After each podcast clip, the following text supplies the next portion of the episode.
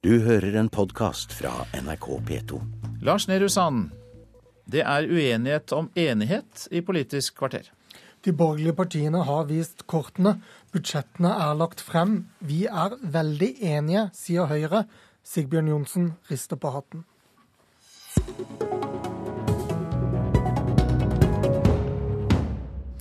Mot slutten av sendingen skal vi snakke om moder jord, men altså. Borgerlig budsjettenighet er mer rørende enn hos de rød-grønne i 2004. Det sier Høyres Jan Tore Sanner. Frp budsjetterer fortsatt uansvarlig, svarer finansminister Sigbjørn Johnsen. Velkommen til eh, Johnsen. Ketil Solvik-Olsen og Jan Tore Sanner. Sanner, du sier dere er mer enige enn noen gang. Hvor ser du de store fremskrittene? Jeg ser at eh, vi eh, har samlet oss på en del områder hvor de fire partiene har et ideologisk og verdimessig fellesskap. Det handler om å bygge opp under frivilligheten. Det handler om å stimulere privat sparing, særlig boligsparing for ungdom. Det handler om å satse langt mer på forskning. Det handler om å løfte de svakeste innenfor eh, helse, helsesektoren. Og det handler om modernisering av offentlig sektor. Samtidig så er det fire partier med ulik prioritering. Men jeg er glad for å se at vi trekker i samme retning i mange områder, og vi er enige om mer enn det de rød-grønne var ti måneder før valget i 2005. Hva betyr enighet om BSU når det skiller 23 milliarder, 23,6 i skattekuttstørrelse? Nei, Det er som jeg sier at eh, partiene har ulike prioriteringer og går i ulikt eh, tempo.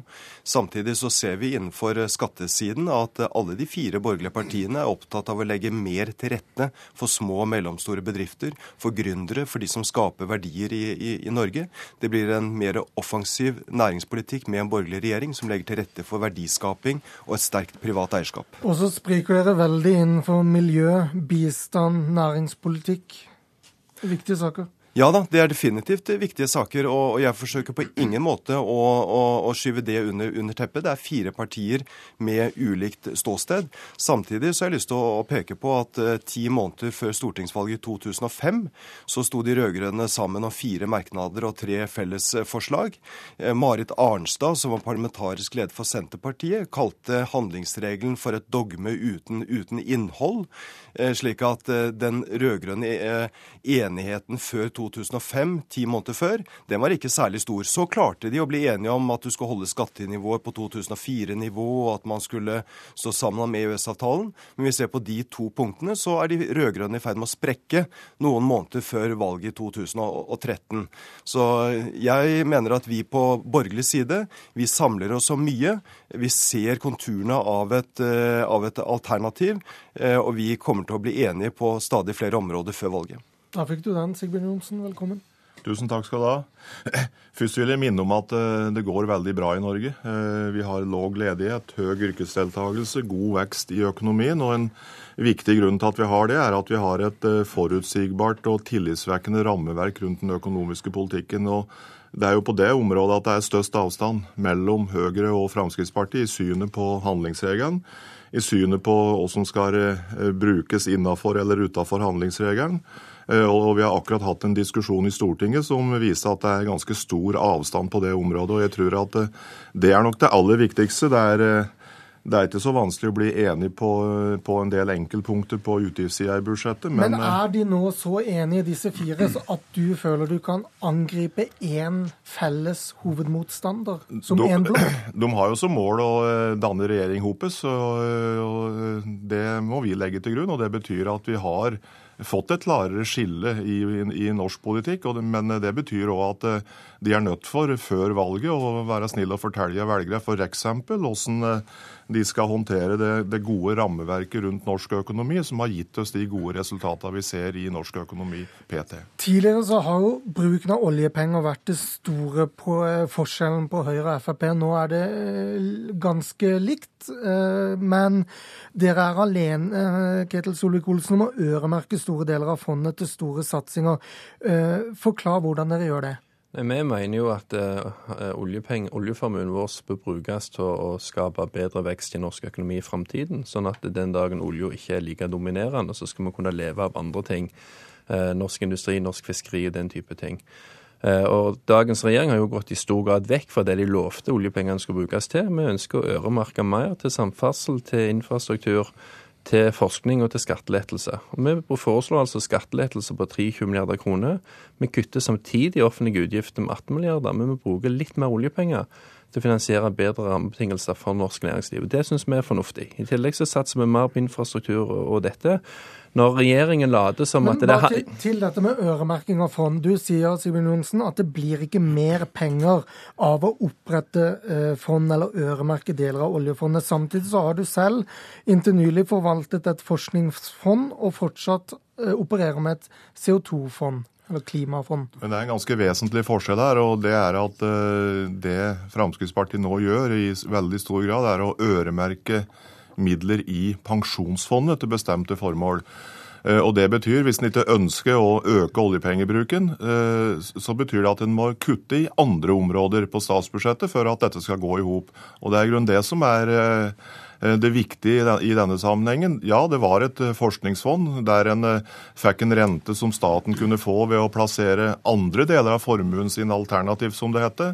Men vi fant ut at pga. at det var veldig store svingninger på rentesida, så mente vi at forskningen har større fordeler til å ha et eh, forutsigbart beløp som bevilges over statsbudsjettet. Men, men å øremerke deler av pensjonsfondet, eh, 500 milliarder kroner som eh, Fremskrittspartiet nå foreslår, betyr at de fjerner 20 milliarder fra andre formål som oljepenger kunne gått til. Det, det betyr at vi sikrer en minimumfinansiering uansett hvem som sitter i regjering, ved at en del av pengene som kom inn i oljefondet, er øremerket til visse tiltak. Og Det burde en jo gjort fra de andre partiene òg, hvis en mener at eh, oljefondet skulle brukes til vekstfremmende midler. Men det, det, men det er spesielt å bli angrepet på dette her, når denne regjeringen her har altså opprettet et klimatiltaksfond basert på de samme prinsippene, men de sier at forskning kan ikke finansieres på den måten, kulturminner kan ikke finansieres på den måten. Så Det viser jo at miljøbevegelsen i realiteten ble lurt når de oppretta dette klimatiltaksfondet. Det viser vel også at Jan Tore Sanner i Høyre ikke eh, vil investere i, i samferdsel på den måten. Nei, sånn kan du ikke konkludere. Fordi at Jo, det, for det står ikke nei, i budsjettet til Høyre. Nei, men du må jo se på hva de ulike partiene faktisk foreslår å bevilge. Og Fremskrittspartiet foreslår en betydelig økning i bevilgningene til infrastruktur. Høyre foreslår en større bevilgning enn det Arbeiderpartiet vil. Og det som er viktig, er jo å sammenligne hva gjør du innenfor de samme års budsjett. Arbeiderpartiet, når de var i opposisjon i 2004, så foreslo ikke de en eneste krone mer til vei enn det Bondevik-regjeringen men nå, nå snakker vi med Sanner, og du har ikke foreslått å eh, investere i samferdsel på denne fondsmåten som Frp gjør. Betyr det da at det ikke blir noe av? Vi foreslår i vårt alternative budsjett å opprette et vedlikeholdsfond, fordi at vi ser at vedlikeholdet av veier og annen infrastruktur har vært nedprioritert år etter år. Senest i dag er det oppslag i Aftenposten om eh, manglende vedlikehold av, jernbanen. Vi mener også at avviklingen av Forskningsfondet var en stor eh, feilsteg fra den rød-grønne regjeringen. Eh, vi ser at forskningen nedprioriteres i årets budsjett. Faktisk har veksten i forskningen i tre av fire år i denne regjeringsperioden vært lavere enn veksten i, det, i resten av, av, av budsjettet. Men velgerne vet, og Sigbjørn Johnsen vet, at det blir ikke noe eksperimentering i den økonomiske politikken med Høyre ved rattet. Men vi, men vi, mener, men vi mener at det er behov for å tenke nytt, særlig når det gjelder eh, investeringer i infrastruktur. Der ser vi at den rød-grønne regjeringen svikter. Det er behov for nytenkning, det er behov for nye Sigbjørn ideer. Johnsen, hvorfor tror ikke dere på alle de dynamiske effektene Frp regner med i sine কম লাগে For det første så en liten replikk til det som går på nå, Ja, men svar på spørsmålet, Ja, jeg skal komme til det. Og Ketil Olsen sier at det blir ingen eksperimentering i den økonomiske politikken med Frp heller. Vi har nettopp behandlet et forslag i Stortinget der de foreslår å ta vesentlige deler av investeringer i eh, statsbudsjettet utafor handlingsregelen. Det er Høyre sterkt imot. Så får vi se da hva slags enighet de er i stand til å få på det. Nei, For å ta, ta ett eksempel på den dynamiske virkningen. Fremskrittspartiet foreslår i sitt statsbudsjett å kutte 4 milliarder kroner på sykelønn og uføre uten å endre regelverket. Det kaller jeg en form for kreativ kreativ Ja, budsjettering. men La meg forklare det. Ja, fordi at det. vi, vi har jo sendt vårt alternative budsjett til SSB. De, de sier for beregning av hva er konsekvenser for norsk økonomi. De sier at BNP vil øke, sysselsetting vil øke, arbeidsledigheten vil gå ned, sykekøene vil gå til, ned. Og- til det konkrete, Jo, kan dere kutte i ytelsene, eller kommer dere til å kutte i ytelsene for å nå budsjettmålet? Nei, vi kommer ikke til å kutte i ytelsesnivåene. Men når det er færre folk som går arbeidsledige, når det er færre folk på tiltak, så er det jo naturlig at du òg kutter bevilgningene på det. Og når SSB sine beregninger viser at eh, arbeidsledigheten går ned, så er det jo naturlig at det òg har en konsekvens i budsjettet. Når vi bruker 1,5 milliard kroner mer på pasientbehandling, når vi bruker flere hundre millioner kroner mer på å kjøpe tjenester i utlandet på helsevesenet, så er det jo naturlig at færre folk vil stå i sykehuskø. Og da kan vi kutte bevilgningene til syke trygd, sykelønn, for rett og slett fordi at folk jobber istedenfor å stå i denne køen. Men det viktige her er jo å late som at det er handlingsregelen som sørger for at det går godt i norsk økonomi. Det syns jeg er ganske arrogant i forhold til den oljenæringen som nå skal investere 204 milliarder kroner neste år. Det er en økning på 80 milliarder kroner på tre år. Det er fire finanskrisepakker på ett år ekstra inn i norsk økonomi. Og så later en som at det er høye skatter mye byråkrati som har gjort det suksess i norsk økonomi. Det er det ikke. Dette handler om at vi har en råstoffbasert eh, næring som nå opplever at kineserne bringer eh, energiprisene i været og importprisene våre eh, ned, ned, og da får vi et bedre bytteforhold. Det er hovedgrunnen til at det går godt i norsk økonomi. Da sier jeg takk til dere, mine herrer. Sigbjørn Ja. Johnsen, Ketil Solvik-Olsen og Jan Tore Sanner.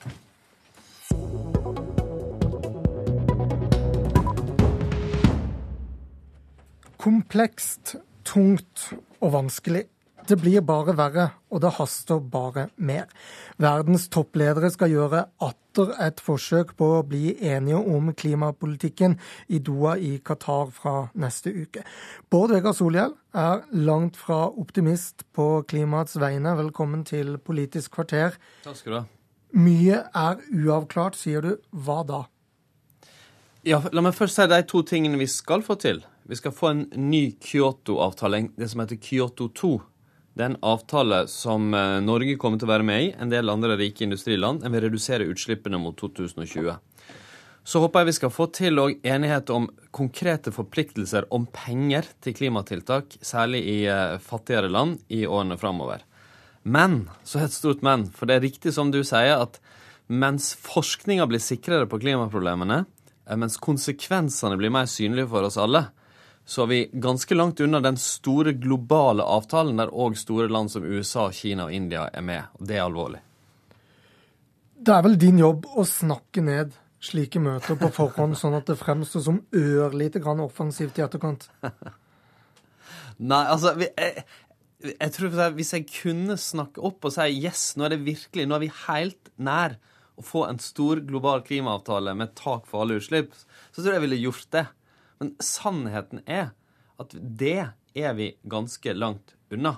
Og det er jo litt av poenget, for alle føler når du kommer i studio og skal snakke om sånne internasjonale toppmøter, at dette har vi hørt før, og det blir aldri noen løsning likevel. Og det er vel heller ikke realistisk at det kommer en ny Kyoto-avtale.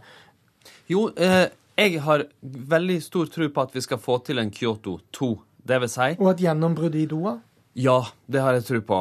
Og eh, det er ikke sikkert, men eh, vi, jeg vil gjøre alt jeg kan for å få det til. Og det er vesentlig at vi klarer det. For det vil, det vil, da har vi en avtale. Da viser en del land som Norge at vi faktisk er villige til å underlegge oss et internasjonalt regime. Og mer penger til klimatiltak. Husk, mange land i sør har store utslipp. Vi må bidra til med finansiering. Men det, jeg, det som er samtidig er viktig, som du tar opp, er vi, vi kan ikke bare sitte og vente på en avtale som vi kanskje skal få om åtte år. Derfor er mer akutte tiltak, det at vi gjør tiltak i Norge, at vi er sammen med andre land samarbeider om tiltak, òg viktig. Og den typen førstehjelp for klima, altså handling nå, ikke bare vente på en avtale, det syns jeg er undervurdert i debatten. Konkrete kutt eller finansiering, hva blir vanskeligst å bli enige om i Doha? Det vanskeligste å bli enig om, tror jeg, er nok er altså faktisk å bruke penger i årene framover.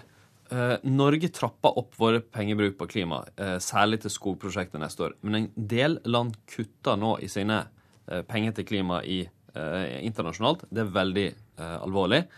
Men så er jo det største problemet i forhandlingene at land som USA og Kina ikke ønsker å underlegge seg et internasjonalt regime der, vi sier at vitenskapen må styre, her setter vi et tak. De vil gjøre ting hjemme og så bare rapportere det inn. Og det å få USA og Kina med på en tenkning om at vi må ha, la fakta ha makta, vi må la vitenskapen styre en global avtale, det er jo den aller største utfordringa i de internasjonale forhandlingene. Men også å få til konkrete kutt, forpliktende avtaler. Det har vært vanskelig hele veien. Ja, nettopp det jeg mener. Altså en, altså en, forpliktelse der alle må faktisk følge det internasjonale regelverket som er, at man ikke bare kan gjøre som man vil. Eh, og det vil Norge, men det er mange sentrale land, særlig USA og Kina, eh, som ikke vil det. Tusen takk for at du kom, Bård Vegar Solhjell. Det var Politisk kvarter. Mitt navn er Lars Nehru Sand. Du hører en podkast fra NRK P2.